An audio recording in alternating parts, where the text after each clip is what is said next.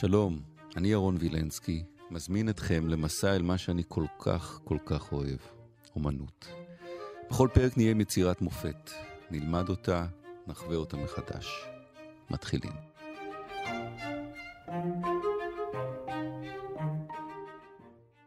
בנבנוטו צ'ליני, זה האומן, דוקטור גיא טל שנקר שלום. שלום, שלום. מלחייה? סליירה באיטלקית. זה מלחייה ממש איקאה. זו מלחייה איקאה, כן. בקטנה, לא משהו רציני.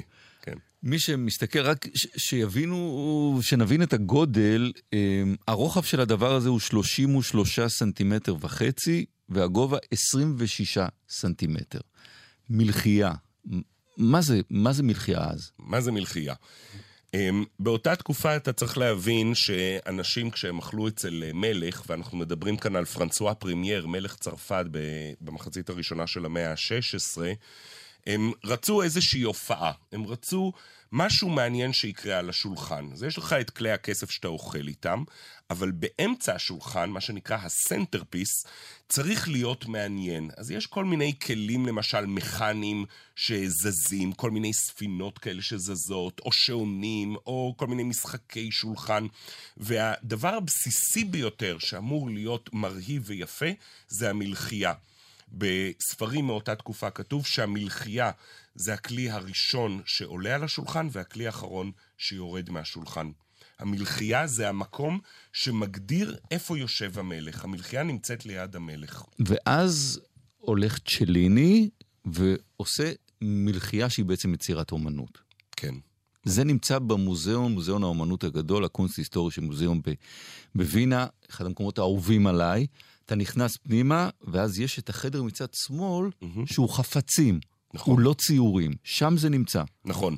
מה שאנחנו קוראים אומנות דקורטיבית או אומנות שימושית, אה, זה חדר אה, שלצערי הרב ריק מאדם. כולם הולכים לציורים הבאמת נפלאים של ברויכל וכולי, והחדרים האלה הבאמת מדהימים אה, נשארים די בשוליים, כי היום אה, אנשים, תיירים, לא מבינים מה היה המקום של אותם חפצים ב, ב, באותו, כן, באותו ארמון או בחברה אז בוא נעזור האצילה. להם להיכנס לחדר הזה, ולמה שווה להיכנס לחדר הזה. כן.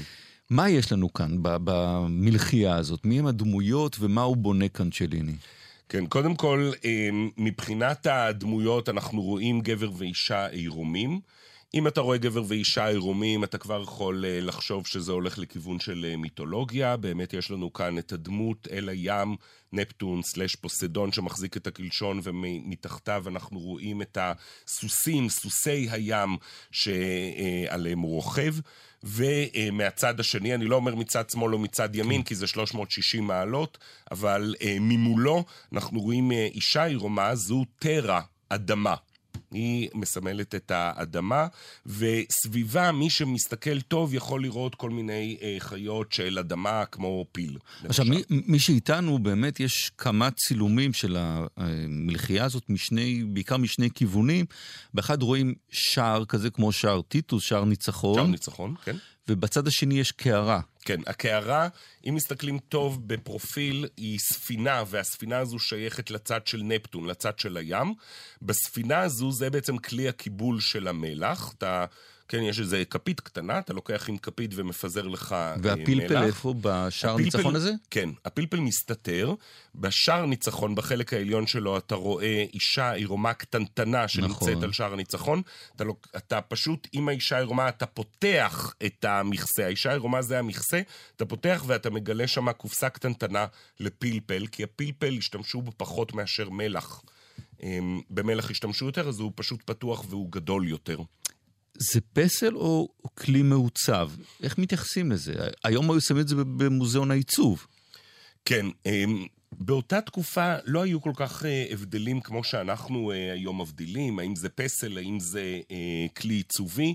זה גם פסל, בוודאי, בנבנוטו צ'ליני היה אה, בראש ובראשונה פסל, וזה גם אה, כלי עיצובי, כלי שימושי, כי באמת תכלס, המלך ממש משתמש בכלי הזה, זה לא רק ליופי בתוך הוויטרינה, ועדות לכך שמדובר כאן גם באומנות על הבסיס, הבסיס דווקא עשוי מעץ של הפסל הזה, אתה רואה תבליטי זהב של אה, ארבעה ארבע דמויות אה, עירומות, שני גברים ושתי נשים, והדמויות האלה הם ציטוטים, או בוא נגיד מחווה למיקלנג'לו.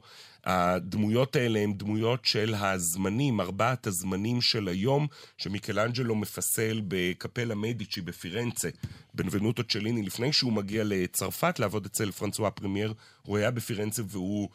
אה, מעריץ ענק של אה, מיקלאנג'לו, אז אנחנו רואים את זה שם. אני חוזר לעניין השימושי, הוא מייצר הרבה כאלה? לא. האמת שיש לנו רק אחד כזה של אה, בנבנוטו צ'ליני. אנחנו יודעים שהוא עשה, לפני שהוא עשה את העיצוב הסופי הזה בזהב, אמייל, עץ, הוא עשה אמ, איזשהו אה, מודל לפני כן, כשהוא היה ברומא, בכלל לפטרון אחר, לאיפוליטו דסטה, לקרדינל אה, ברומא, וכשהוא עבר לצרפת, כשפרנסואה פרמייר קרא לו, הוא לקח בעצם את הרעיון איתו. פרנסואה שאל אותו, תגיד, אתה יודע לעשות מלחייה? הוא אמר, במקרה הכינותי מראש, הוציא את המודל, כן, והראה לו את הרעיון שלו. פרנסואה אה, זרם איתו. אה, הוא זרם איתו מכל מיני סיבות, יכול להיות שגם בגלל עניינים כלכליים. בגלל שפרנסואה בדיוק באותה תקופה מפתח את כל השוק של התבלינים. השוק של התבלינים באותה תקופה באירופה נשלט על ידי פורטוגל ואיטליה.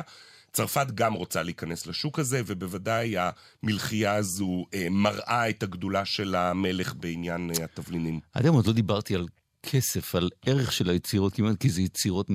טוב, אנחנו עוסקים ביצירות באמת שקשה מאוד להעריך אותן, אבל כאן דווקא כן. כשהתכוננתי, אז זה, המלחמה הזאת נגנבה ב-2003, מצאו אותה אחר כך, היא מבוטחת ב-60 מיליון דולר.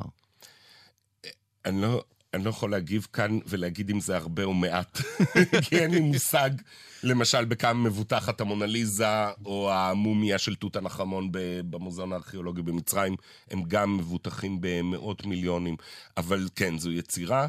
אה, אני יכול כן להגיד לך שבאותה תקופה, אם אתה שואל האם אה, ציור של מיקלנג'לו, או הפסל הזה, מה שווה יותר? אני אגיד לך חד משמעית, הפסל הזה שווה יותר, המלחייה שווה יותר, כי הם לוקחים בחשבון גם את הפיסול, את זמן העבודה, את החומרים של הפסל הזה, וכל זה מייקר את העבודה הרבה יותר מאשר אה, הציורים בקונסט היסטורי של מיוזיאום שכל התיירים אה, מסתכלים, כי חינכו אותנו אה, לאהוב יותר או להעריך יותר ציור מאשר אומנות שימושית. אומנות שימושית נראית לנו שימושית, כן. מלחייה, כן, במטבח.